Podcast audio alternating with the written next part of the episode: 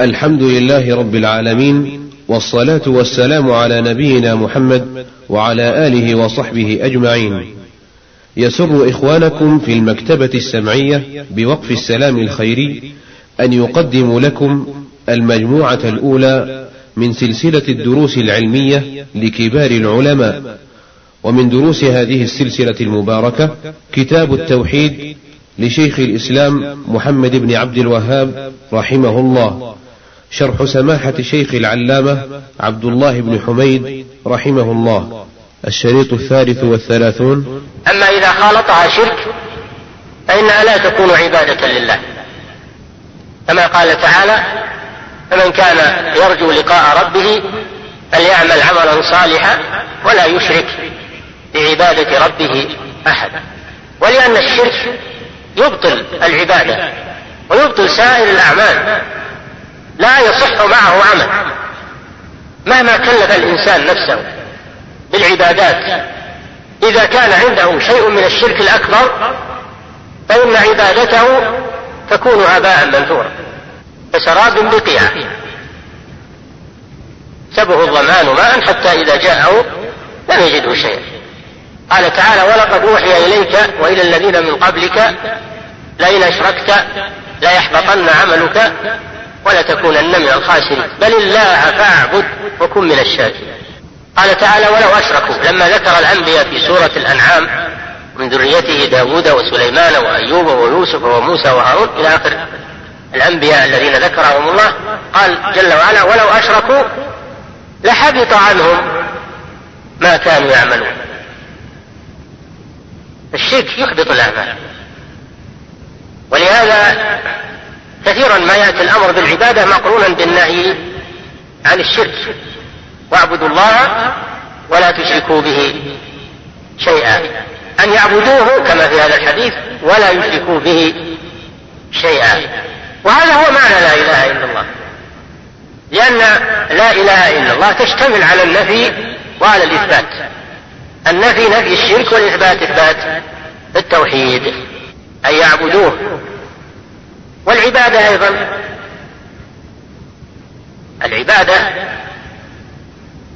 كما أنها لا تكون عبادة إلا مع التوحيد. كذلك لا تكون عبادة إلا إذا كانت موافقة لما شرعه النبي صلى الله عليه وسلم. العبادة لا تصح إلا بشرطين وسائر الأعمال كذلك إلا بشرطين. الشرط الأول الإخلاص لله عز وجل الشرط الثاني المتابعة للرسول صلى الله عليه وسلم. فلو أن الإنسان جاء بعبادات محدثة ما فيها شرك أبدا كلها خالصة لله ما فيها شرك. ولكنها ليست من شريعة النبي صلى الله عليه وسلم لم يشرعها رسول الله صلى الله عليه وسلم. بدع هذه مردودة لا تقبل. قال صلى الله عليه وسلم من عمل عملا ليس عليه أمرنا فهو رد. في رواية من أحدث في أمرنا هذا ما ليس منه فهو رد العبادة لا تكون عبادة إلا بشرطين. الإخلاص لله عز وجل والمتابعة للرسول صلى الله عليه وسلم. وهذا هو معنى الشهادتين. شهادة لا إله إلا الله لمعناها الإخلاص لله عز وجل. شهادة أن محمد رسول الله معناها المتابعة للرسول صلى الله عليه وسلم. العبادات لا يصلح أن يكون فيها شيء من الاستحسانات البشرية أو استدراكات العقول أو غير ذلك مهما حسنت نية الفاعل وسوى سلم قصده من الشرك فلا ينفع ما دام انه بدعة أو غير مقبول. غير مقبول عند الله سبحانه وتعالى. لو إنسان مثلا قال الصلوات خمس أنا بزيادة خير أنا أنا بجعل بصلي فريضة سادسة زيادة خير. إلا لا. وهو يصلي قصده الأجر يبي الأجر. يبي يزود الفرائض الخمس يبي يزودها واحدة أو اثنتين طلبا للأجر. نقول لا هذا باطل. هذا باطل. لأن هذا شيء لم يشرعه الله ولا رسوله وإن كان قصدك حسن. أو عمل مردود وباطل. ولهذا لما جاء ثلاثة نفر من الصحابة إلى بيت النبي صلى الله عليه وسلم يسألون عن عبادة النبي صلى الله عليه وسلم. يسألون عن عبادته من أجل أن يقتدوا به. فذكر أزواج النبي صلى الله عليه وسلم لهؤلاء الرهط عبادة النبي صلى الله عليه وسلم. فكأنهم تقالوها تقالوا عبادة النبي صلى الله عليه وسلم. ولكن اعتذروا عن الرسول صلى الله عليه وسلم بأنه مغفور له ما تقدم من ذنبه وما تأخر. قالوا أين نحن من رسول الله صلى الله عليه وسلم؟ وقد غفر له ما تقدم من ذنبه وما تأخر. فقال أحدهم أنا أصلي ولا أنام قال الآخر أنا لا أتزوج النساء. يعني يريد التبتل. وقال الثالث أنا أصوم ولا أفطر. وفي رواية ولا آكل اللحم. فلما بلغ ذلك رسول الله صلى الله عليه وسلم غضب غضبا شديدا. وقال أنتم الذين قلتم كذا وكذا أما والله إني لأصلي وأنام وأصوم وأفطر. أما والله إني لا, لا, لا أعلمكم بالله وأتقاكم له. إني لأعلمكم بالله وأتقاكم له وأخشاكم له. وإني أصلي وأنام. وأصوم وأفطر وأتزوج النساء ومن رغب عن سنتي فليس مني. فلما بلغ ذلك رسول الله صلى الله عليه وسلم غضب غضبا شديدا وقال أنتم الذين قلتم كذا وكذا أما والله إني لأصلي وأنام وأصوم وأفطر أما والله إني لا, لا, لا أعلمكم بالله وأتقاكم له. إني لأعلمكم بالله وأتقاكم له وأخشاكم له. وإني أصلي وأنام وأصوم وأفطر وأتزوج النساء ومن رغب عن سنتي فليس مني. هكذا. العبادة لا بد تكون مطابقة لما جاء به النبي صلى الله عليه وسلم ليس فيها بدع ولا خرافات ولا محدثات. ولا استحسانات للعقول أو اقتداء بفلان وعلان ما دام إن هذا المقتدى به ليس متبعا للرسول صلى الله عليه وسلم فليس بقدوة. هذه هي العبادة. ولهذا يقول العلامة ابن القيم رحمه الله في النونية حق الإله عبادة بالأمر لا بهوى النفوس فذاك للشيطان. حق الإله عبادة بالأمر. يعني بالشرع. الأمر المراد به الشرع. يعني ما تحدث شيء من عنده لا بهوى النفوس. فذاك للشيطان الذي يعبد الله باستحسان عقله وشهوة نفسه بشيء لم يشرعه الرسول صلى الله عليه وسلم هذا ليس عابدا لله وإنما هو عابد للشيطان. لأنه هو الذي أمره بذلك. الشيطان يأمر بالبدع والخرافات. حق الإله عبادة بالأمر. لا. بهوى النفوس فذاك للشيطان. وقال في موضع آخر وعبادة الرحمن غاية حبه. مع ذل عابده هما قطبان.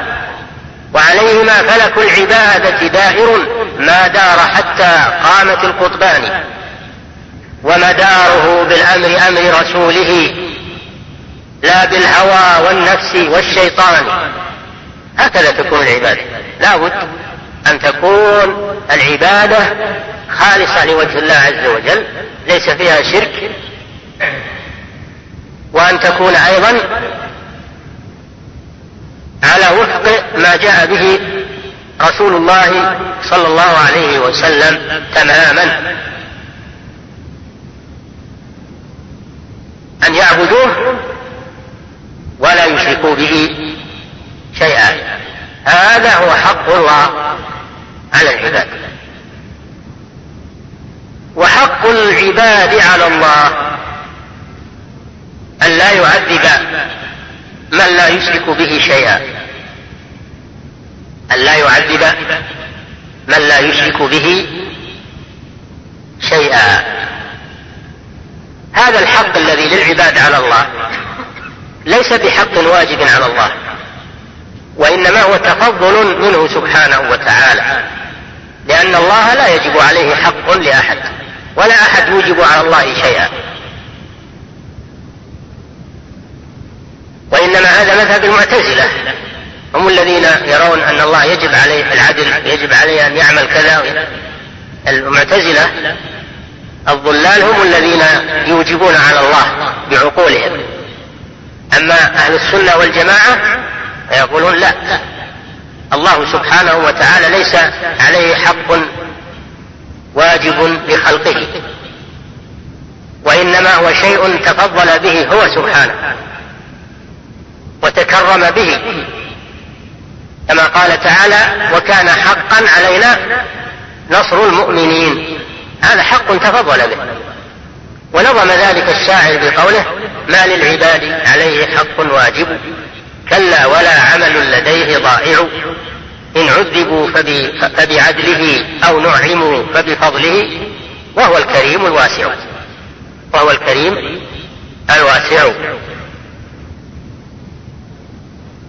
حق العباد على الله يعني الحق الذي تفضل الله تعالى به وأوجبه على نفسه من دون أن يوجبه عليه أحد من خلقه هو الذي أوجبه على نفسه تكرما منه سبحانه بموجب وعده الكريم الذي لا يخلفه سبحانه. وعد الله لا يخلف الله وعده. ألا يعذب يشرك به شيئا.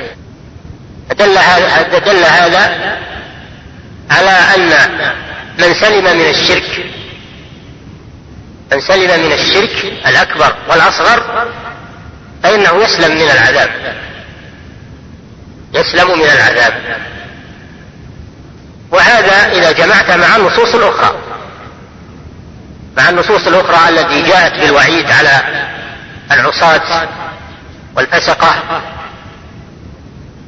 فإنك تقول العصاة من الموحدين الذين لم يشركوا بالله شيئا ولكن عندهم ذنوب. عندهم ذنوب دون الشرك من سرقة أو زنا أو شرب خمر أو غيبة أو نميمة أو إلى آخره. هذه ذنوب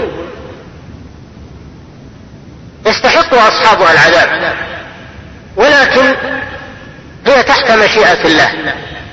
إن شاء الله غفر لهم بدون عذاب وأدخلهم الجنة وإن شاء عذبهم بقدر ذنوبهم ثم يخرجهم بتوحيدهم ويدخلهم الجنة.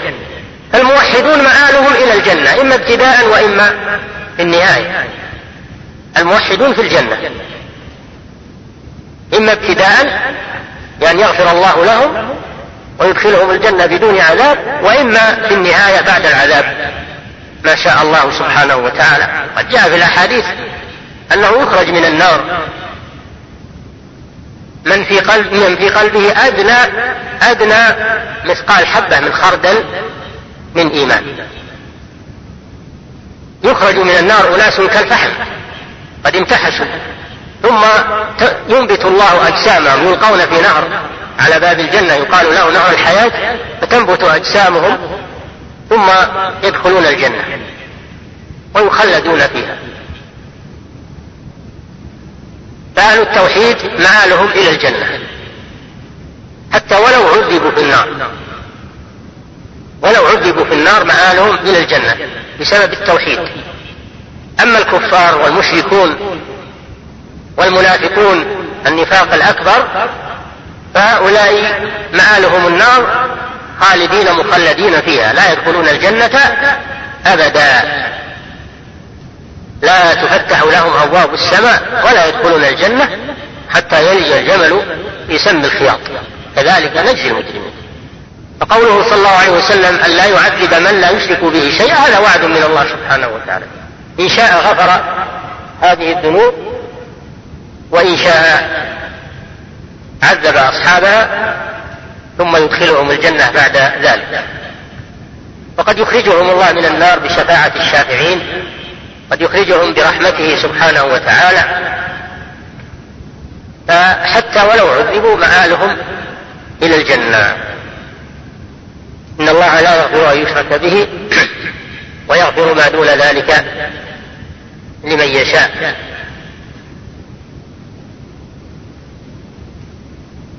التوحيد يعصم من الخلود في النار.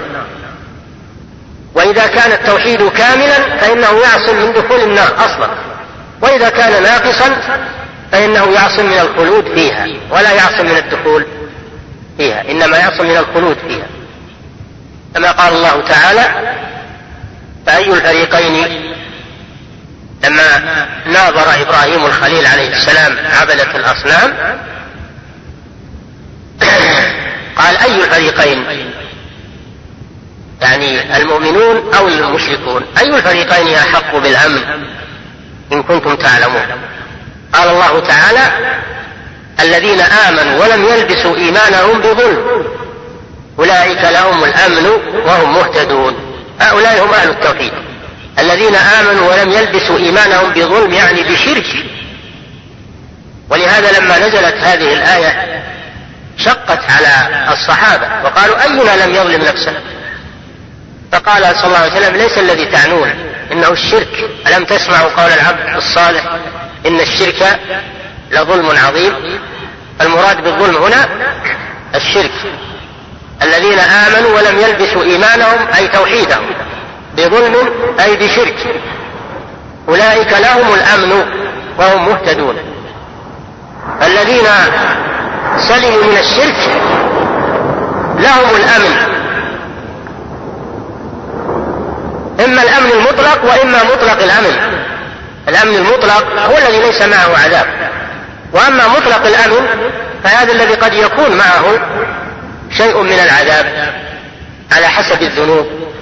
عندنا أمن مطلق ومطلق أمن. فالحاصل أن أهل التوحيد لهم الأمن. بلا شك لكن قد يكون أمنا مطلقا وقد يكون مطلق أمن هذا هو الجواب الصحيح عن هذه المشكلة. أن لا يعذب من لا يشرك به شيئا يعني إذا شاء سبحانه وعفى عن صاحب الذنوب التي دون الشرك فقد لا يعذبه أبدا. وقد يعذبه بقدر ذنوبه ثم يدخله الجنة بتوحيده وعقيدته. خلاف مذهب الخوارج والمعتزلة. عندهم أن أصحاب الكبائر مخلدون في النار والعياذ بالله. نعوذ بالله من هذا المذهب الباطل. عندهم أن أصحاب الكبائر ولو كانت دون الشرك أنهم مخلدون في النار وأن من دخل النار لا يخرج منها بزعمهم. ويغالطون النصوص الصحيحة من الكتاب والسنة التي تدل على أن أهل التوحيد ولو كان عندهم ذنوب ومعاصي أنهم لا يخلدون في النار. قد لا يدخلونها أبدا وقد يدخلونها ولكن لا يخلدون فيها وأنهم يخرجون منها بعد تعذيبهم ويدخلون الجنة. قال الله سبحانه وتعالى ثم أورثنا الكتاب الذين اصطفينا من عبادنا. يعني هذه الأمة المراد بالكتاب القرآن. والمراد بالذين اصطفينا من عبادنا هذه الأمة المحمدية. فمنهم ظالم لنفسه ومنه ومنهم مقتصد ومنهم سابق بالخيرات بإذن الله. ذلك هو, هو الفضل الكبير. جنات عدن يدخلونها. انظروا كيف ذكر ظالم لنفسه. مع المقتصد ومع السابق بالخيرات. ووعدهم جميعا بالجنة. جنات عدن يدخلونها يحلون فيها من أساور من ذهب. ولؤلؤا ولباسهم فيها حرير. وقال الحمد لله الذي أذهب عنا الحزن. إن ربنا لغفور شكور. الذي أحلنا دار المقامة من فضله. لا يمسنا فيها نصب ولا يمسنا فيها لغوب. انظروا ذكر منهم الظالم لنفسه بل بدأ به بدأ بالظالم لنفسه مما يدل على أن أهل التوحيد أنهم يرجى لهم الخير ويرجى لهم دخول الجنة ولو كان عندهم ذنوب كبائر دون الشرك. أن لا يعذب من لا يشرك به شيئا. وسيأتي في الحديث الآخر من مات وهو يشرك بالله شيئا دخل النار. ومن مات وهو لا يشرك بالله شيئا دخل الجنة. إن الله حرم على النار من قال لا إله إلا الله. يبتغي بذلك وجه الله إلى غير ذلك من الأحاديث. التي فيها أن التوحيد أن التوحيد يعصم من دخول النار أو يعصم من الخلود من الخلود فيها. وسيأتي باب مستقل في هذا الكتاب المبارك.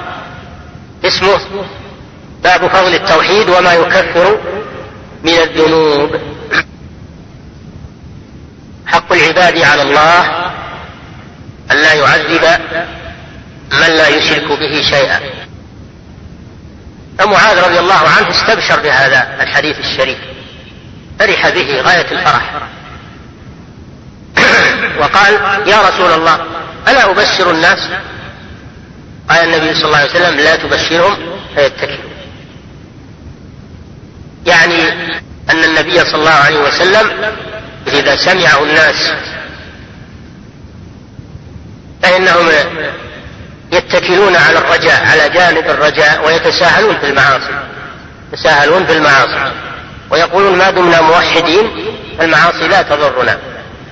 لأن الرسول يقول أن لا يعذب من لا يشرك به شيئا ونحن والحمد لله لسنا مشركين ونحن لا نعبد إلا الله فيتساهلون في المعاصي فيغلبون جانب الرجاء على جانب الخوف فهذا من الحكمة أن العلم لا يوضع إلا في مواضعه العلم لا يوضع إلا في مواضعه فإذا خيف من إلقاء المسائل على بعض الناس خيف محذور أكبر فإنه تكتم عنهم بعض المسائل.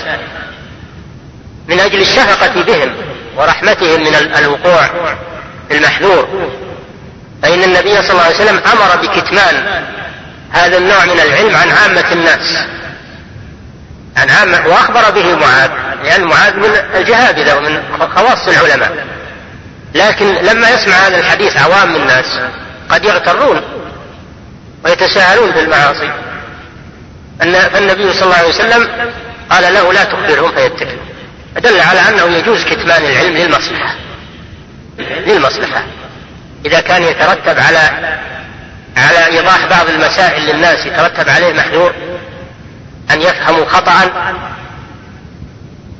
أو يتكلوا على ما سمعوا فإنهم لا يخبرون بذلك. وإنما يلقى تلقى هذه المسائل على خواص العلماء الذين لا يخشى منهم الوقوع في المحذور. فأخذ العلماء من هذا الحديث جواز كتمان العلم للمصلحة. وإنما أخبر معاذ رضي الله عنه بهذا الحديث عند وفاته. لما حضرته الوفاة أخبر به خشية أن يموت وعنده شيء من الأحاديث لم يبلغه للناس. أخبر به رضي الله عنه عند وفاته تأثما يعني خوفا من المؤاخذة عند الله سبحانه وتعالى أن لا يكون بلغ ما سمع من النبي صلى الله عليه وسلم. يكون عليه اسم الكتمان. وهذا كما في حديث علي رضي الله عنه حدثوا الناس سيأتي في آخر هذا الكتاب المبارك قال علي رضي الله عنه حدثوا الناس بما يعرفون. أتريدون أن يكذب الله ورسوله؟ يعني ما يلقى على كل الناس بعض المسائل التي فيها أمور تخفى عليهم أو تشوش عليهم. وإنما يلقى على الناس ما يفهمونه ويستفيدون منه. أما نوادر المسائل وخواص المسائل فهذه تلقى على طلبة العلم والمتفقهين المتمكنين.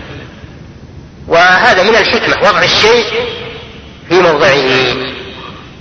لما تجي عند عصاة يشربون الخمور ويزنون ويسرقون تقف قدامهم تقول الله غفور رحيم الله آه، قريب مجيب الله سبحانه وتعالى يغفر ويسمح و... فهم يزيدون في الشعور لكن لما تجيهم وتقول لهم اتقوا الله الله سبحانه وتعالى توعد الزناد بالعذاب وتوعد على السرقة وعلى المعاصي بالعذاب الشديد. تجيب لهم نصوص الوعيد. هل اللي يناسب لهم. إنك تجيب لهم نصوص الوعيد من أجل التوبة. ولو تجي عند ناس متمسكين وطيبين تجيب لهم آيات الوعيد. هذا يزيدهم ربما يزيدهم آه، وسواس. أو تشدد. كانت تجيب لهم آيات التيسير وآيات وأحاديث التيسير والتسهيل والرحمة والفراج إلى غير ذلك من أجل ألا ألا يزيدوا ويشتدوا ويغلوا. فكل مقام له مقال. وتوضع الأمور في مواضعها. هذا هو الميزان الصحيح. والناس ليسوا على حد سواء. كل يخاطب بما يستفيد منه. ولا يتضرر به. فلا تجيب آيات الوعيد عند المتساهلين آه، لا تجيب آيات الوعد والرجاء عند المتساهلين ولا تجيب آيات الوعيد عند المتشددين. قل تعال أنت كالطبيب. تضع الدواء في موضعه المناسب. هكذا يكون طالب العلم. إذا كانت هناك أمور غامضة ما يعرفها العوام ولا تتسع لها عقولهم. أمور غامضة من المسائل العلمية. هذه لا تلقى على العوام وإنما تلقى على طلبة العلم وعلى الناس الذين يستوعبونها ويعقلونها. أما تجيبها الناس جهلاء في أمور آه، المسائل الدقيقة تلقيها عليهم وهم لا يستوعبونها هذا ضرر. هذا مثل الذي يضع الدواء في غير موضعه يقتل؟ الدواء إذا وضع في غير موضعه يقتل. إذا وضع في موضعه نفع الله به. ولهذا يقول الأثر ما أنت بمحدث قوما بحديث لا تبلغ عقولهم إلا كان لبعضهم فتنة. ما أنت بمحدث حديثا قوما لا تبلغه عقولهم إلا كان لبعضهم فتنة. هو حق لكن قد يفهم هذا الإنسان خطأ فيكون فتنة له. الحاصل أن طالب العلم والواعظ والمعلم يجب عليه أن يراعي أحوال الحاضرين وأحوال الناس ويعطيهم ما يحتاجون إليه من المسائل ويعلمهم ما يحتاجون إليه من المسائل. ولا يلقي عليهم المسائل الغريبة التي لم يتوصلوا إليها. لما تجي عند طلبة علم توهم مبتدئين لا تجيب لهم غرائب المسائل التي لا يعرفها إلا, الراسخ إلا الراسخون في العلم. يجيب لهم مبادئ مبسطة سهلة يتدرجون بها شيئا فشيئا. ما تجيب مثلا طالب تو بادي وتخليه يقرأ في صحيح البخاري. ها ما وصل إلى الحد هذا. لكن أنت لقنه الأربعين النووية الأحاديث القريبة شروط الصلاة أحكام الطهارة إلى آخره. مبادئ. مثلا إنسان تو بادي في العربية تجيب له كتاب سيبويه تقتله بهذا. لكن تجيب له الآجرومية مسائل مبسطة مدخل يعني يدخل فيه على اللغة العربية والنحو. شيء فشيء. ولذلك ألف العلماء المختصرات والمتوسطات والمطولات من أجل أن طالب العلم يمشي مراحل شيئا فشيئا. الحاصل أن كل شيء له شيء كل مقام له له مقال. قال لا تخبرهم فيتكلوا رجاه في الصحيحين رجاه البخاري محمد بن إسماعيل البخاري في صحيحه الجامع الصحيح الذي هو أصح كتاب عند المسلمين بعد كتاب الله عز وجل. وبالمنزلة الأولى من كتب السنة.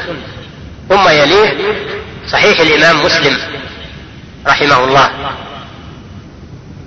الصحيحان صحيح البخاري وصحيح مسلم هما أعلى شيء في كتب السنة. وأصح الأحاديث ما اتفق عليه البخاري ومسلم. ثم ما رواه البخاري من فرد به البخاري. ثم ما رواه مسلم. ثم بقية الأحاديث. لأن هناك صحاح غير الصحيحين مثل صحيح ابن خزيمة وهذا يثني عليه أهل العلم. صحيح آه، الحاكم صحيح ابن حبان هذه يشترط أهلها الصحة ولكن تصحيحهم دون تصحيح الإمامين البخاري ومسلم. أعلى درجة في التصحيح البخاري ثم يليه مسلم ثم بقية كتب الصحاح. أما الآن فنترككم مع الملحق الثالث والذي يحتوي على الترجمة والآية والحديث الأول والثاني من الباب الثاني وهو باب فضل التوحيد وما يكفر من الذنوب. باب فضل التوحيد وما يكفر من الذنوب. وقول الله تعالى الذين آمنوا ولم يلبسوا إيمانهم بظلم. الآية عن عبادة بن الصامت قال قال رسول الله صلى الله عليه وسلم من شهد أن لا إله إلا الله وحده لا شريك له وأن محمدا عبده ورسوله وأن عيسى عبد الله ورسوله وكلمته ألقاها إلى مريم وروح منه.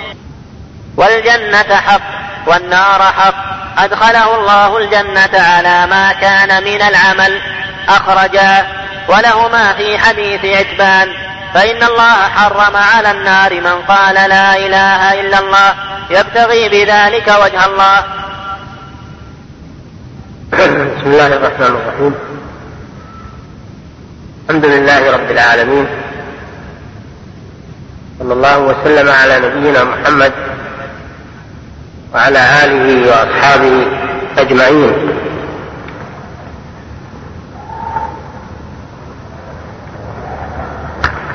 قال الشيخ رحمه الله باب فضل التوحيد وما يكفر من الذنوب. ثم ساق في هذا الباب آية من كتاب الله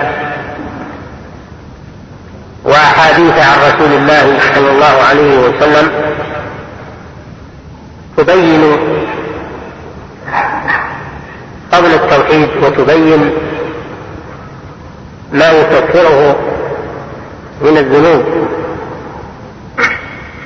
والمناسبة بين هذا الباب والذي قبله مناسبة ظاهرة فإنه رحمه الله لما بين في الباب الذي قبله حقيقة التوحيد ومعنى التوحيد المطلوب. ووضح ذلك بالآيات القرآنية والأحاديث النبوية ناسب أن يذكر فضله ليرغب فيه. ويحث عليه. لأن الشيء إذا عرفت مزاياه وعرفت فوائده فإن القلوب تتعلق به وتحرص عليه.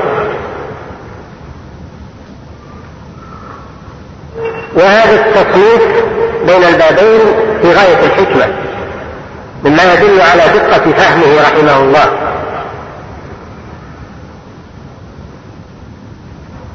لأنه لو ذكر فضل التوحيد قبل أن يبين معنى التوحيد. لم يكن ذلك مناسبا. ولا بد أن تبين حقيقة الشيء أولا ومعناه ثم بعد ذلك تبين فضله أما أن تذكر الفضائل لشيء غير معروف. فهذا لا يجدي شيئا. ومن هنا ندرك خطأ كثير من الدعاة اليوم أو من المؤلفين المعاصرين الذين يزعمون أنهم يكتبون عن الإسلام وعن الدعوة. يمدحون الإسلام مدحا كبيرا في محاضراتهم وفي كتبهم. وهذا حق. مدح الإسلام حق. لكن ما هو الإسلام أولا؟ لم يبينوا ما هو الإسلام. يعني تقرأ الكتاب من أوله إلى آخره أو تستمع للمحاضرة أو الشريط من أوله إلى آخره. وهو مدح للإسلام وثناء عليه وبيان لمزاياه لكن ما هو الإسلام؟ لأن كل واحد من الناس وكل واحد من الفرق يفسر الإسلام بمذهبه. كل واحد من الفرق الضالة أو كل واحدة من الفرق الضالة والمنحرفة تفسر الإسلام بمذهبها. وينزلون هذا المدح وهذا الثناء على مذهبهم ولا يكفي أننا نمدح الإسلام ونثني عليه فقط بل لا بد أن نبين ما هو الإسلام. ما هي حقيقة الإسلام؟ الذي ينجي من الكفر ويدخل في التوحيد. وينجي من النار ويدخل في الجنة. ما هي حقيقة الإسلام؟ وما هي نواقضه؟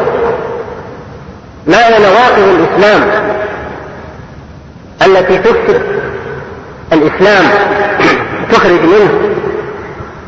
وما هي مكملاته؟ وما هي منقصاته لا بد من هذا. أما مجرد المرح وذكر الفضائل بدون أنك تبين حقيقة الشيء فهذا خطأ عظيم ونقص كبير. لأنه كما ذكرت لكم. لما تقول الإسلام بدون بيان بدون تفسير كل يفسره على مذهبه من الفرق الضالة. لكن لما تبين حقيقة الإسلام وتبين نواقض الإسلام ونواقص الإسلام حينئذ يتبين أن الإسلام هو ما جاء به رسول الله صلى الله عليه وسلم. وكان عليه صحابته الكرام وكان عليه القرون المفضلة أما ما خالف ذلك فليس من الإسلام في شيء وإن كان صاحبه يدعي أنه هو هو الإسلام. فلا بد من هذا. ومن هنا تجدون الشيخ رحمه الله بين في الباب الأول حقيقة التوحيد. علشان ما كل واحد يدعي أن مذهبه هو التوحيد. أو ما هو عليه هو التوحيد. لا التوحيد هو ما جاء في هذه الآيات وفي هذه الأحاديث التي ذكرها الشيخ رحمه الله وما شابهها مما لم يذكره. هذا هو التوحيد. من أجل أن يقطع الطريق على المضللين الذين يدعون أن ما هم عليه هو التوحيد وأنه هو الإسلام وأنه وأنه فهذا هذا أمر مهم جدا. يجب أن نتنبه له. هم, هم الآن يقولون أنتم ادعوا إلى الإسلام. بينوا مزايا الإسلام. فقط. لكن لا تبينون للناس حقيقة الإسلام. لأنه يفرق. يفرق عنكم الناس. يقول لا إحنا نبين حقيقة الإسلام. ونعرف الإسلام كما جاء في كتاب الله وسنة رسوله صلى الله عليه وسلم فمن قبله فأهلا وسهلا وعلى الرحب والسعة. ومن لم يقبله فلا يلومن إلا نفسه. تقوم عليه الحجة نحن نقيم عليه الحجة وهو ما اختار لنفسه. أما إن من جال للناس على مذاهبهم الباطلة ونحلهم الضالة ونقول يكفي اننا نذكر الإسلام فقط الإسلام ما هو شماعه اللي يعلق عليه ثيابه لا. الإسلام دين جاء به رسول الله صلى الله عليه وسلم وبينه للناس. ولا بد من بيان حقيقته. ليهلك من هلك عن بينة ويحيى من حي عن بينة. هذا هو الإسلام. فهذه مسألة مهمة جدا. قال رحمه الله وقول الله تعالى الذين آمنوا ولم يلبسوا إيمانهم بظلم أولئك لهم الأمن وهم مهتدون.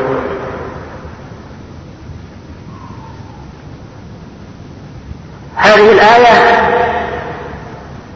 جاءت بعد ذكر مناظرة إبراهيم الخليل عليه الصلاة والسلام لقومه لأن قومه كانوا يعبدون الكواكب. كانوا يعبدون الكواكب وهم الصابئة. الصابئة في أرض العراق. كانوا يعبدون الكواكب ويبنون لها الهياكل في الأرض والبيوت ويعبدونها من دون الله عز وجل. الله سبحانه وتعالى بعث نبيه ورسوله إبراهيم الخليل عليه الصلاة والسلام للدعوة إلى التوحيد وإنكار هذا الشرك.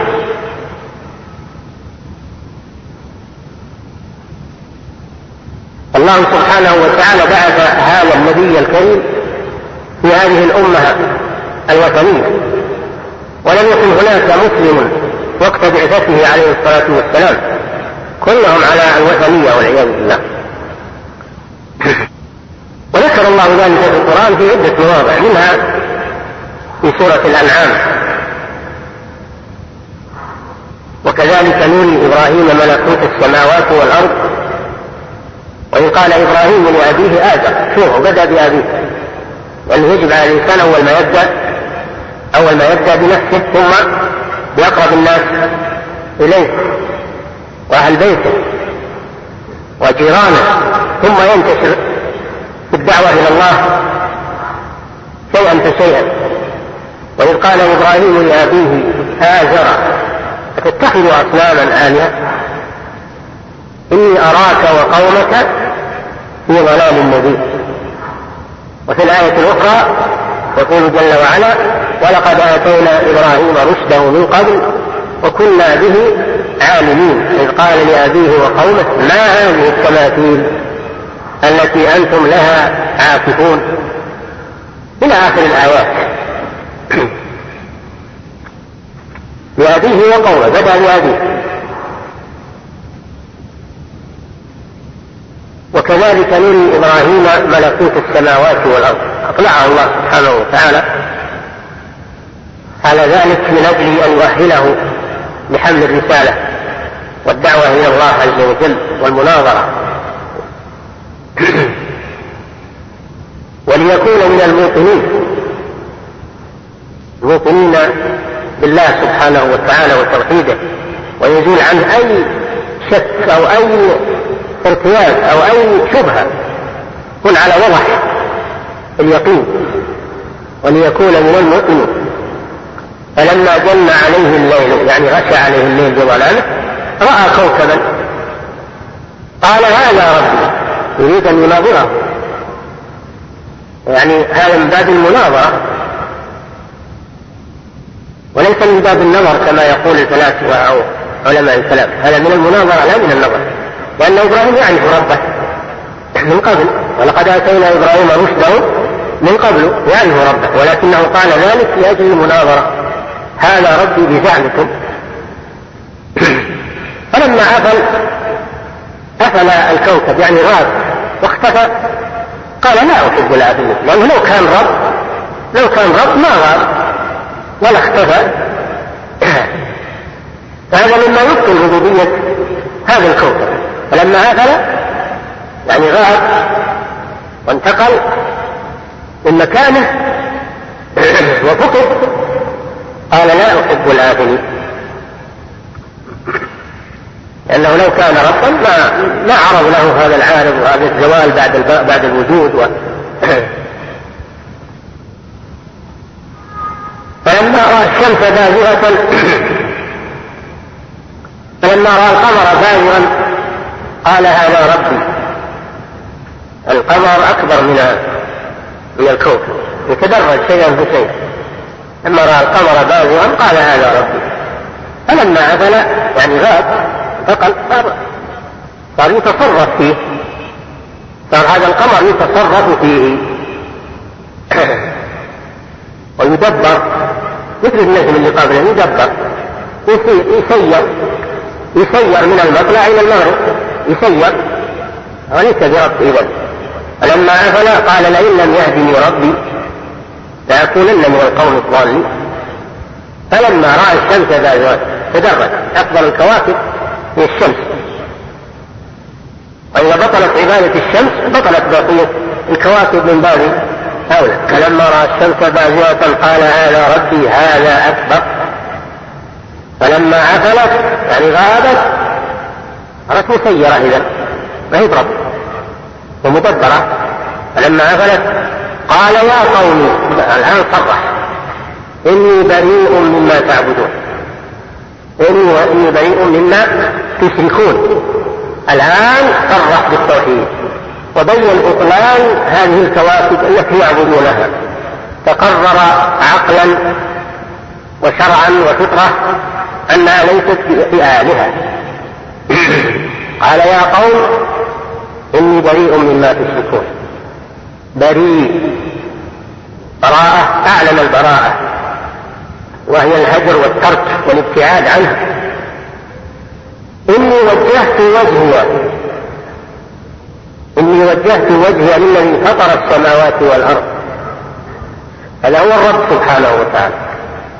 الذي فطر السماوات والأرض يعني خلقهما.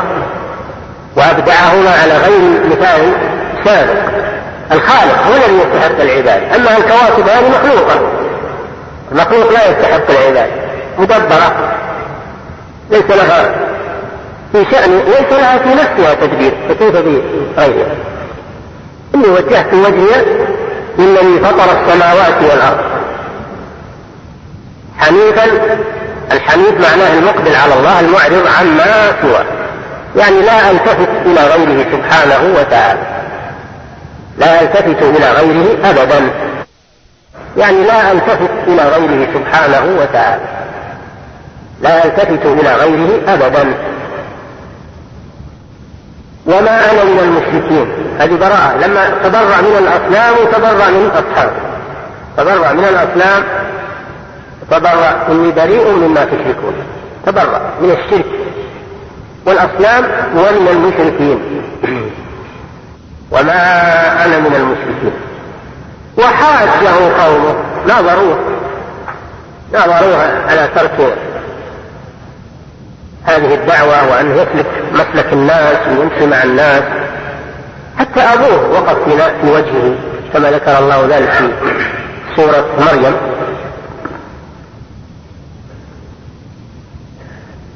فإن أباه وقف منه موقف المعاناة لئن لم تنتهي قال أراغب أنت عن آلهتي يا إبراهيم. لئن لم تنتهي لأرجمنك. واهجرني مليا تناظروا أفحمهم أفحمهم بالحجة.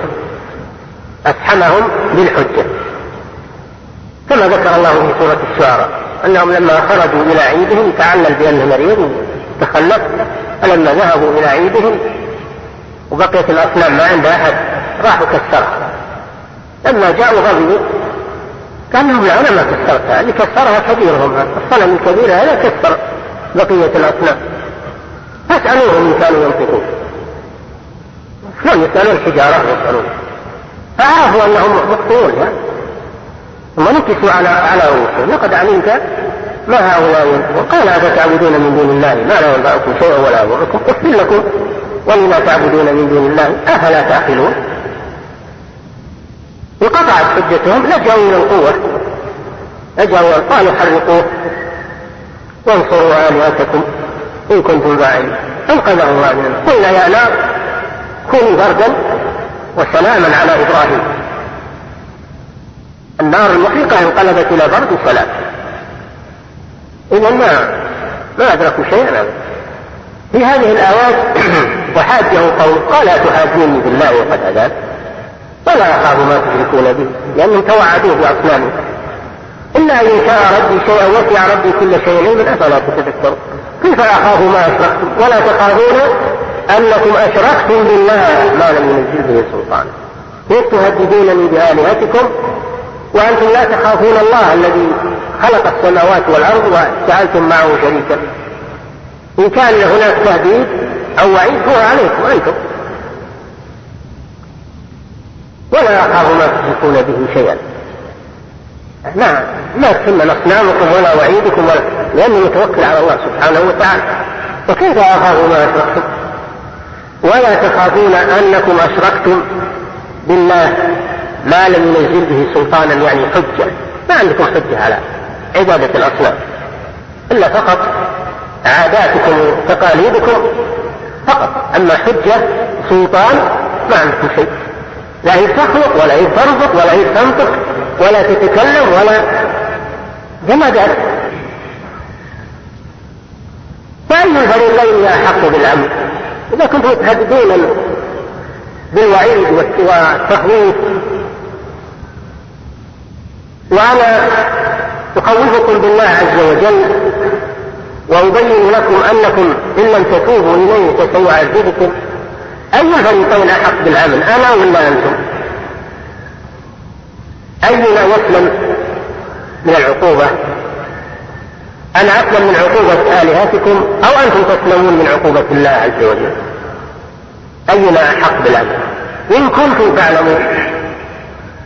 الله جل وعلا فصل الحكم بينهم. قال الذين آمنوا ولم يلبسوا إيمانهم بظلم أولئك لهم الأمن وهم مهتدون. هذا هو الحكم الإلهي. الذين آمنوا وهذا عام في قوم إبراهيم وغيرهم من الخلق. الذين آمنوا ولم يلبسوا إيمانهم بظلم أولئك لهم الأمن. أما الذين كفروا بالله عز وجل وأشركوا به فهؤلاء ليس لهم أمن. الذين آمنوا يعني وحدوا الله وأخلصوا له العبادة ولم يلبسوا إيمانهم بظلم أي بشرك. مراد بالظلم هنا الشرك. لأن الظلم كما بين أهل العلم ثلاثة أنواع. النوع الأول وهو أعظمها ظلم الشرك. قال تعالى إن الشرك لظلم عظيم. لماذا سمي الشرك ظلما؟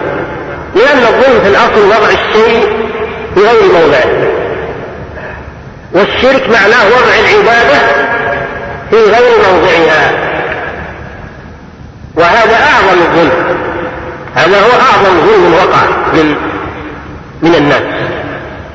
أنهم وضعوا العبادة في غير موضعها وأعطوها لغير مستحقها. وسووا المخلوق بالخالق. سووا الضعيف بالقوي الذي لا يعجزه شيء. سووا العاجز بالقادر الذي لا يعجزه شيء. هل هل بعد هذا ظلم؟ هذا هو أعظم الظلم. هذا هو أعظم انواع الظلم الموجودة في الأرض.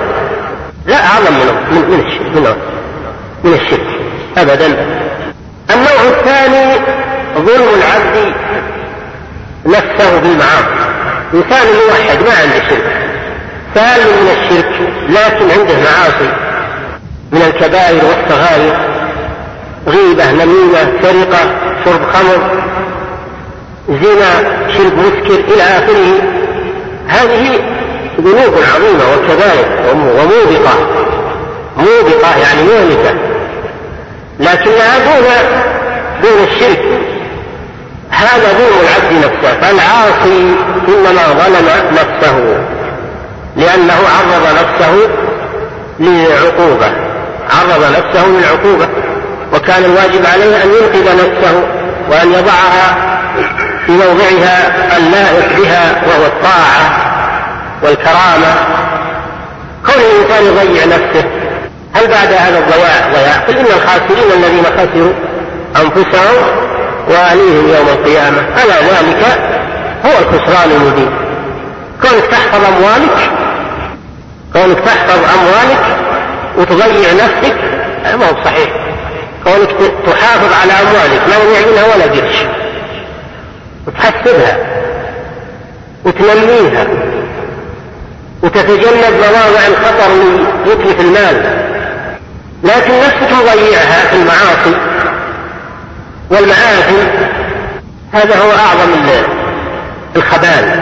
كان الواجب أن تبدأ بنفسك أولا تحفظها ثم تحفظ مالك. حفظ المال هذا مطلوب. نهى صلى الله عليه وسلم عن إضاعة المال ما في شك.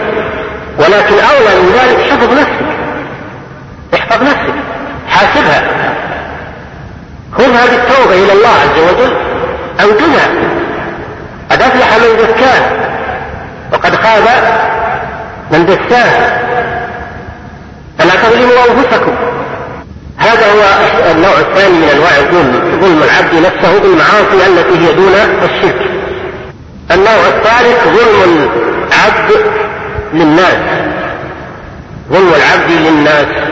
يأخذ أموالهم أو غيبتهم أو نميمتهم أو سرقة أموالهم أو اغتصاب أموالهم أو تعدي عليهم في أعراضهم بالغيبة والنميمة والقذف والحمد واللمز. وذلك من التنقص أو في دمائهم بقتله قتل الأبرياء بغير حق أو بالضرب والجرح والإهانة بغير حق هذا التعدي على الناس. هذا ظلم. هذا ظلم. هذه أنواع الظلم. ظلم الشرك وهذا أعظم أنواعه. وظلم العبد نفسه وظلم العبد لغيره من المخلوقين. أما النوع الأول الظلم النوع الأول وهو ظلم الشرك فهذا لا يغفره الله أبدا. إن الله لا يغفر أن يشرك به ويغفر ما دون ذلك لمن يشاء. وأما النوع الثالث وهو ظلم العبد للناس فهذا لا يترك الله منه شيئا. لا بد من لا بد من القصاص إلا أن يسمح المظلومون. إذا ظلمت أحدا فإن حقه لم يضيع أبدا إلا إذا سمح هو. وإلا فإنه سيقتص سيقتص له منك يوم القيامة. أو في الدنيا. لكن لا بد من القصاص. جاء في الحديث لتؤدن المظالم إلى أهلها يوم القيامة أو لتؤدن الحقوق إلى أهلها يوم القيامة حتى يقاد للشاة الجلحة من الشاة القرنة الشاة الجلحة اللي ما لها قرون. والقرنة التي لها قرون إذا نطحتها نطحتها بقرونها لا بد من القصاص يوم القيامة حتى دون البهائم. قال تعالى وإذا الوحوش حشرت تحشر البهائم يوم القيامة. ويقتص لبعضها من بعض ثم يقول الله لها كوني ترابا. فعند ذلك يقول الكافر يا ليتني كنت ترابا. فالبهائم تحشر يوم القيامة. وإذا الوحوش حشرت وما من دابة في الأرض ولا طائر يطير بجناحيه إلا أمم أمثالكم ما فرطنا في الكتاب من شيء ثم إلى ربهم يحشرون. تحشر البهائم يوم القيامة ويقام القصاص بينها ثم يقول الله لها كوني ترابا. وكذلك بنو آدم يقام القصاص بينهم يوم القيامة فيقتص. للمظلومين من الظلمة. ولا يترك من حقوقهم شيئا إلا إذا سمحوا بها. فظالم العباد لا يترك الله منها شيئا إلا إذا سمحوا بها. أما النوع الثاني وهو ظلم العبد لنفسه فهذا تحت مشيئة الله. إن شاء الله غفره وإن شاء عذب به. وإن شاء عذب به. إذا كما يقول أهل العلم الدواوين ثلاثة ديوان لا يغفره الله وهو الشرك وديوان لا يترك الله منه شيئا وهو مظالم العباد وديوان تحت المشيئة. إن شاء الله غفر له وإن شاء عذب ويقول بعض العلماء وديوان لا يعبأ الله به. قد يغفر أن الله لا يغفر أن يشرك به ويغفر ما دون ذلك لمن يشاء. وفي الحديث كما يأتي ابن آدم لو أتيتني بقراب الأرض خطايا ثم لقيتني لا تشرك بي شيئا لا أتيتك بقرابها مغفرة. إن ربك واسع المغفرة. إن الله يغفر الذنوب جميعا. يعني ما دون الشرك أما الشرك فهذا لا يظهر إلا بالتوبة.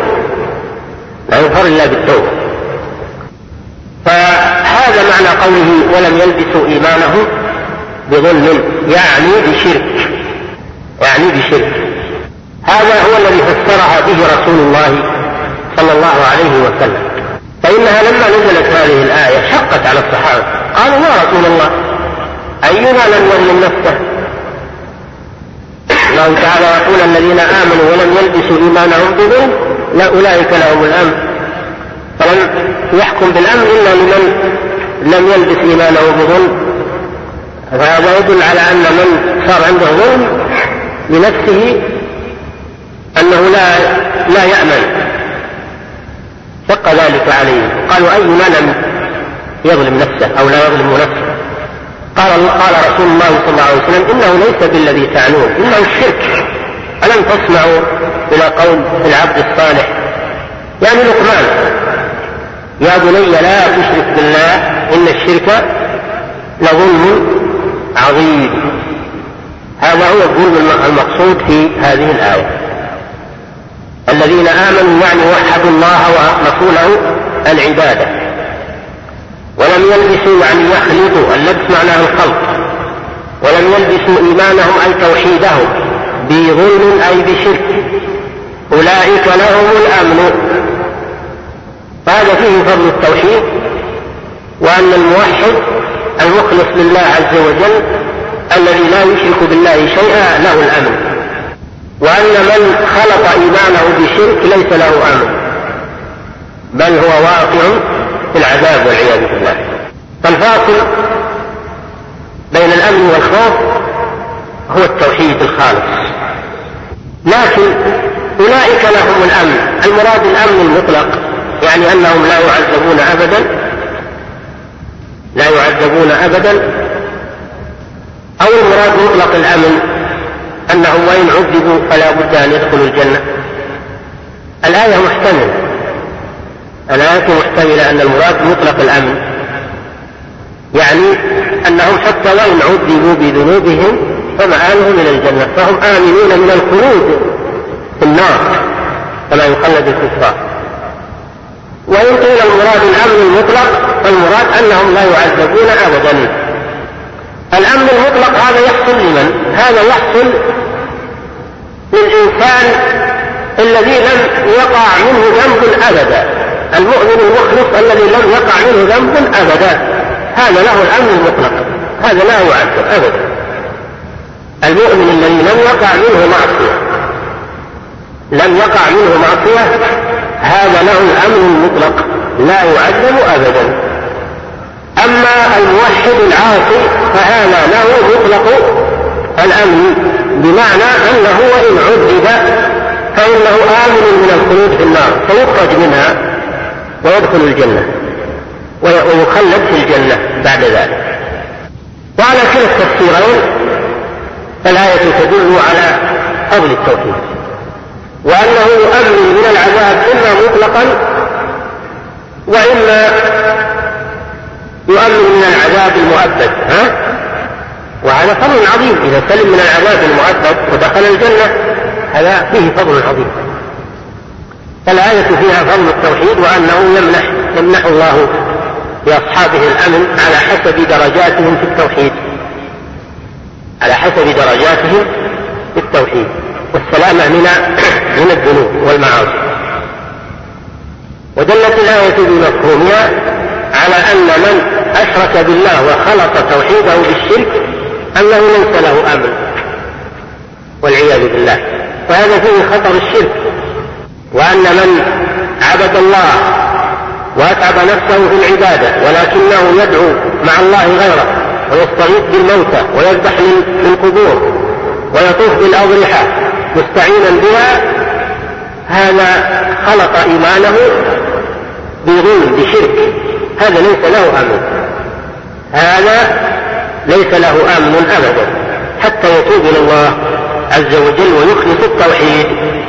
ليس المقصود أن الإنسان يعبد الله فقط بل لا بد أيضا أن يتجنب الشرك. يتجنب الشرك. وإلا فالمشركون لهم عبادات. يحجون كانوا يحجون وكانوا يتصدقون وكانوا يطعمون الأضياف وكانوا يكرمون الجيران. كانت لهم عادات ولهم أعمال. جليلة لكنها ليست مبنية على توحيد.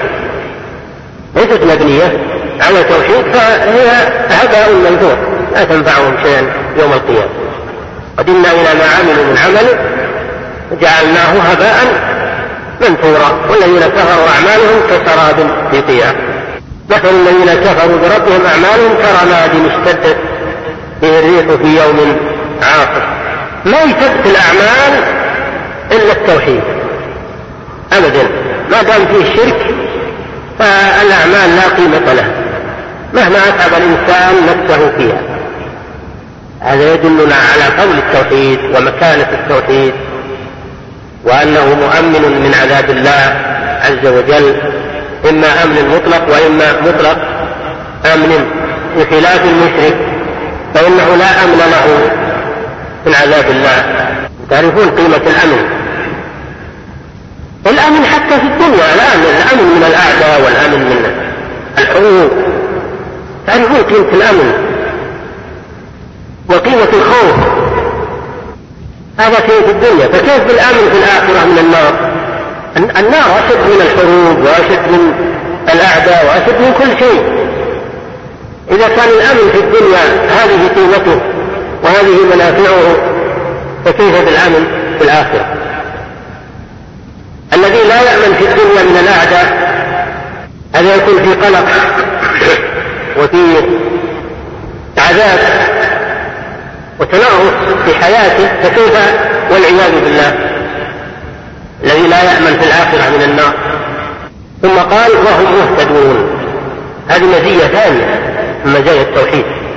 مزية ثانية من مزايا التوحيد وهي حصول الهداية للموحدين مخلصين لله. أنهم في الدنيا يكونون مهتدين في أعمالهم. يعبدون الله على بصيرة. يعبدون الله على بصيرة. سالمين من الشرك في الأعمال وسالمين من البدع والخرافات. مهتدون بخلاف أهل الشرك. فإنهم غير مهتدين في الدنيا بل هم ضالون. لأنهم يعبدون الله ويخلطون العبادة بالشرك.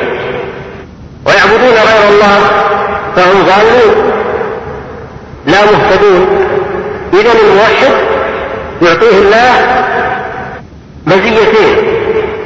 المزية الأولى الأمن من العذاب. المزية الثانية الهداية من الضلال. بحيث إنه يعبد الله على بصيرة وعلى نور وبرهان. متبع للسنة متبع للرسول صلى الله عليه وسلم. يمشي على الجاده صحيحة. بخلاف المشرك فإنه يمشي على غير هدى وعلى غير دين وعلى غير برهان. يتعب نفسه في هذه الدنيا وهو يتقدم إلى النار ويمشي إلى النار.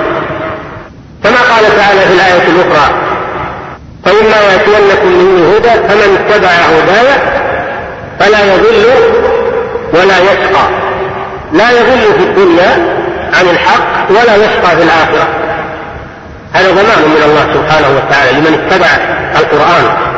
أنه لا يضل في الدنيا ولا يشقى في الآخرة. هذا مثل هذه الآية. لهم الأمر وهم مهتدون.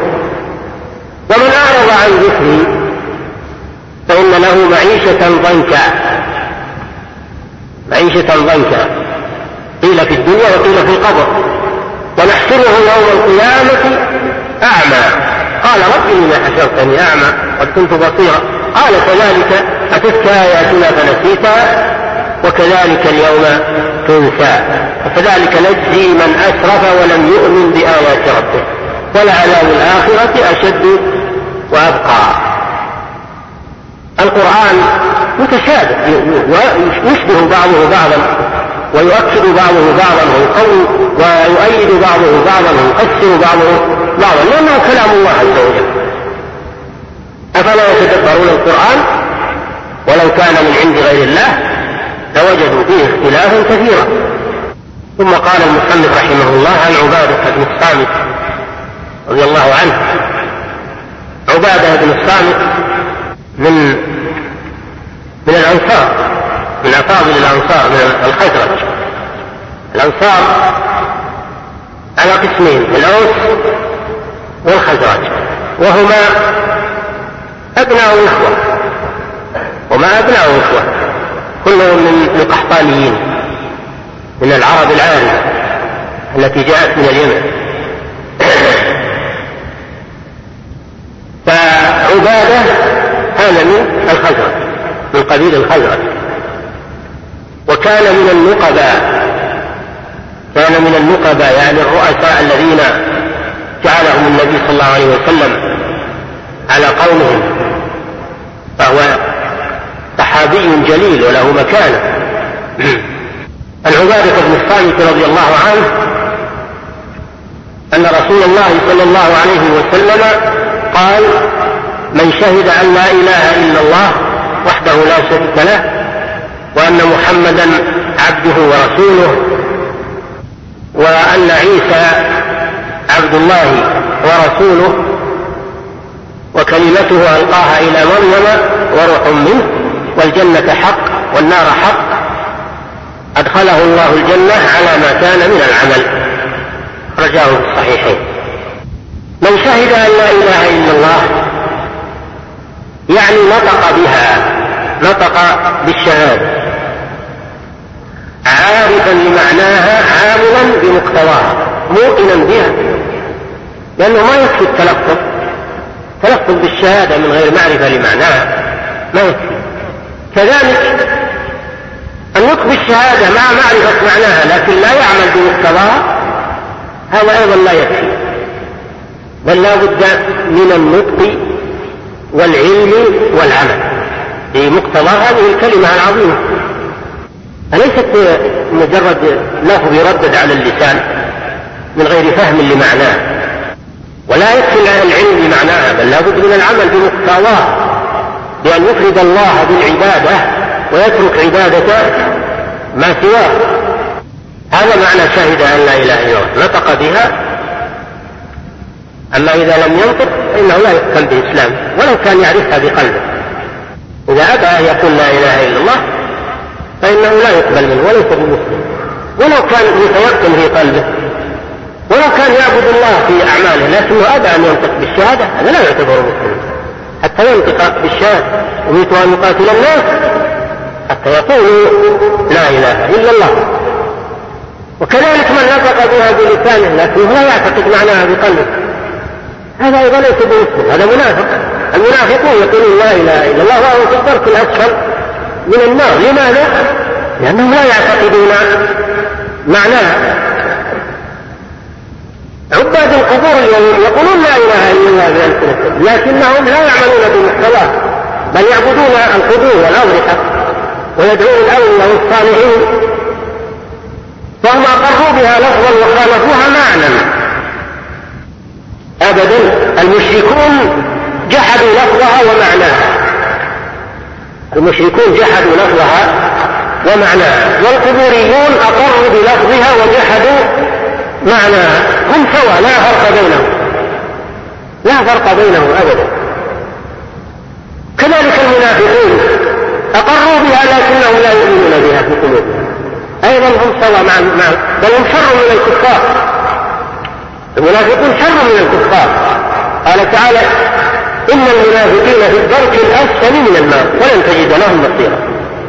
واشد من الكفار والعياذ وهم ينطقون يقولون لا إله إلا الله. يصلون يصومون.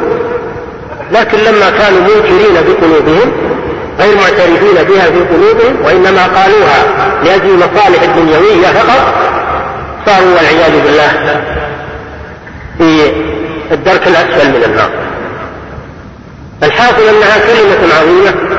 لكن لا بد أن يتوفر اولا النطق بها وثانيا العلم بمعناه وثالثا العمل بمقتضاه معناها ما هو؟ من العلم بمعناه ما هو معنى لا إله إلا الله؟ معنى لا إله إلا الله نفي العبادة عما سوى الله وإثباتها لله سبحانه وتعالى. يعني ابطال عبادة كل ما سوى الله. وإثبات العبادة لله. قوله لا إله هذا إبطال لجميع المعبودات من دون الله عز وجل. وإنكار لها. إلا الله هذا إثبات للعبادة لله سبحانه وتعالى. فمعنى لا إله إلا الله لا معبود بحق أو لا معبود حق إلا الله سبحانه وتعالى. أما لو قلت لا إله إلا الله معناها لا معبود إلا الله يكون هذا ضلال عظيم. لازم تأتي بكلمة حق. لأنك لو قلت لا إله إلا الله لا معبود إلا الله معناها أنك أدخلت كل المعبودات وجعلتها هي الله. جعلت الأصنام والأضرحة والكواكب وكل معبود من دون الله جعلته عبادة لله. وهذا غلط. فلا بد أن تأتي بكلمة لأن المعبودات على قسمين معبود بحق ومعبود بالباطل. المعبود بالحق هو الله والمعبود بالباطل هو ما سوى الله من كل المعبودات. قال تعالى ذلك بأن الله هو الحق وأن ما يدعون من دونه هو الباطل وأن الله هو العلي الكبير. ذلك بأن الله هو الحق. وأن ما يدعون من دونه فهو الباطل. وأن الله هو العلي الكبير. هذا معنى لا إله إلا الله. وحده لا شريك له. كلمتان جيء بهما للتأكيد. هذا تأكيد للإثبات. لا شريك له هذا تأكيد للنفي. وحده هذا تأكيد لقولك إلا الله. لا شريك له هذا تأكيد لقولك لا إله. ها؟ إي نعم.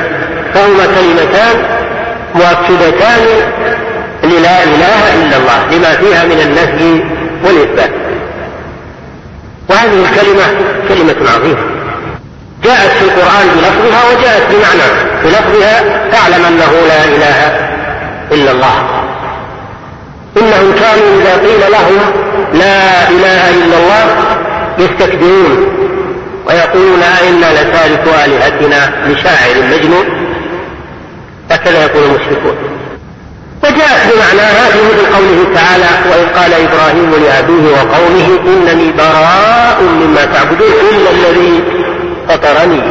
وقوله إنني براء هذا هو معنى النفي. لا إله إلا الذي فطرني هذا هو معنى الإثبات إلا الله. كلمة عظيمة.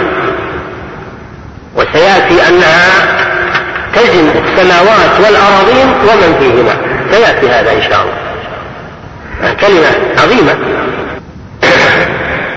من شهد أن لا إله إلا الله وحده لا شريك له وأن محمدا عبده ورسوله. لا يكفي شهادة لا إله إلا الله بل لابد من شهادة أن محمدا رسول الله.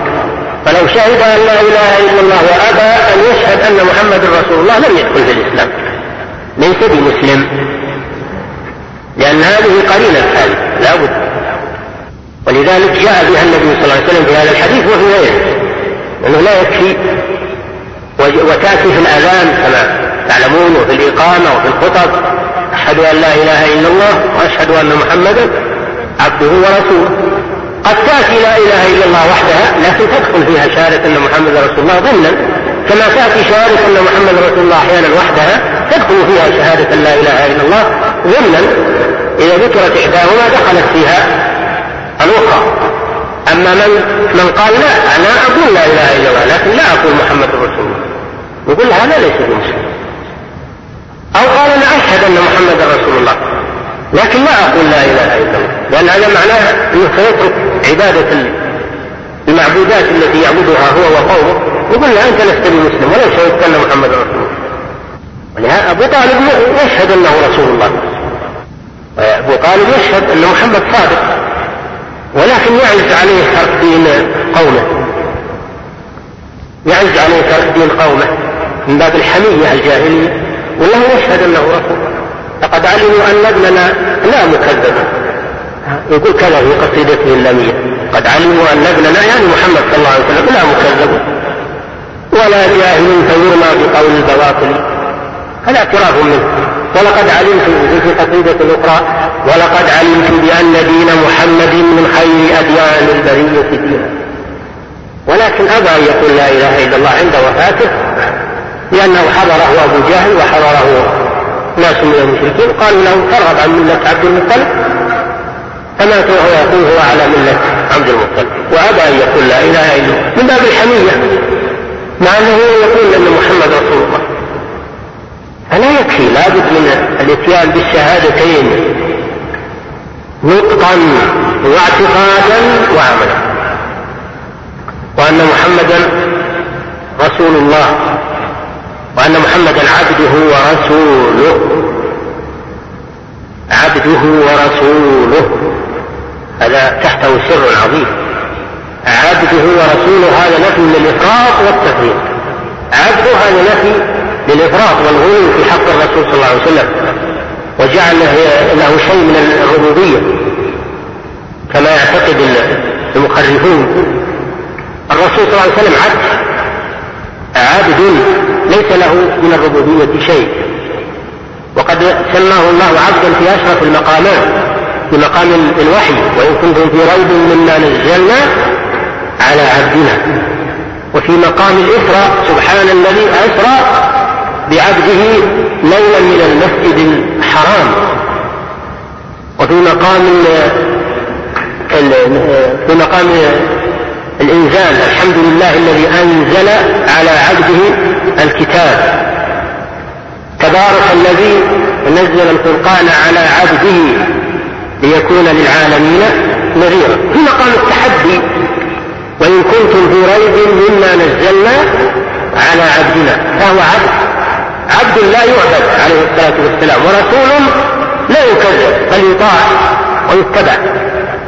فليس له من العبادة شيء؟ لأنه عبد. الذين يتعلقون بالرسول ويطلبون منه آه، جلب الخير أو دفع الضرر هؤلاء يعبدون غير الله عز وجل.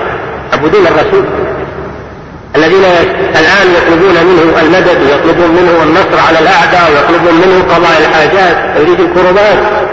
هؤلاء رفعوه من العبودية إلى الألوهية. والعياذ ما أقروا أنه عبد الله بل جعلوه له جعلوه شريكا لله بربوبيته وإلهيته. والرسول صلى الله عليه وسلم يقول لا تطروني كما أطرت النصارى ابن مريم. إنما أنا عبد أقول عبد الله ورسوله. فهو عبد عليه الصلاة والسلام. قل الله سبحانه وتعالى له ليس لك من الأمر شيء. أو يتوب عليهم أو يعذب. فإنه ظالم. قل سبحانه قل لا أملك لنفسي نفعا ولا ضرا إلا ما شاء الله. ولو كنت أعلم الغيب لاستكثرت من الخير وما مثل السوء. إن أنا إلا نذير وبشير لقوم يؤمنون. قل سبحانه وتعالى قل إني لا أملك لكم ضرا ولا رشدا. وإني لن يجيرني من الله أحد ولن أجد من دونه ملتحدا إلا بلاغا من الله ورسالته فهو عبد عليه الصلاة والسلام. عبد لكنه رسول.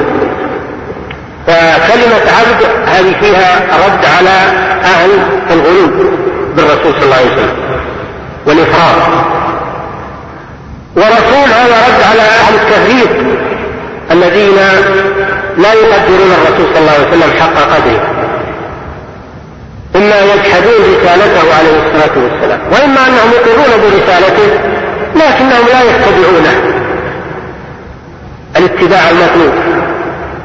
فهؤلاء لم يشهدوا أنه رسول الله. شهادتهم إما باطلة وإما ناقصة. إما باطلة إن كانوا لا يتبعونه أبدا وإما ناقصة إن كانوا يتبعونه في بعض الأشياء ويخالفونه في بعض الأشياء رغبة لنفوسهم وشهواتهم. فقوله ورسوله هذا رد على أهل التفريط والتساهل في حق الرسول صلى الله عليه وسلم.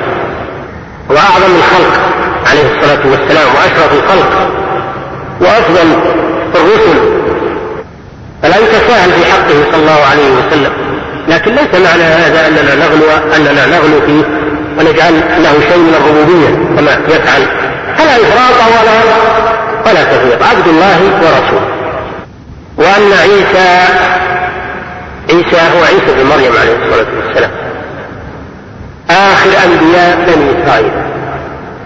آخر أنبياء بني إسرائيل هو عيسى عليه السلام. وأولهم هو موسى عليه الصلاة والسلام. بني إسرائيل قصد أما أول الرسل على الإطلاق إلى الخلق فهو نوح عليه السلام.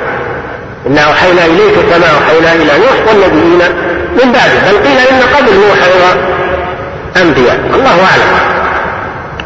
الحاصل أن موسى هو أول أنبياء بني إسرائيل وآخرهم عيسى عليه الصلاة والسلام. وليس بعد عيسى نبي إلا محمد صلى الله عليه وسلم. ولهذا قال صلى الله عليه وسلم أنا أولى الناس بابن مريم. ليس بيني وبينه نبي كانت الفترة بين عيسى ومحمد صلى الله عليه وسلم قرابة خمسمائة سنة. قرابة خمسمائة سنة. عيسى ابن مريم. لماذا نسب إلى مريم؟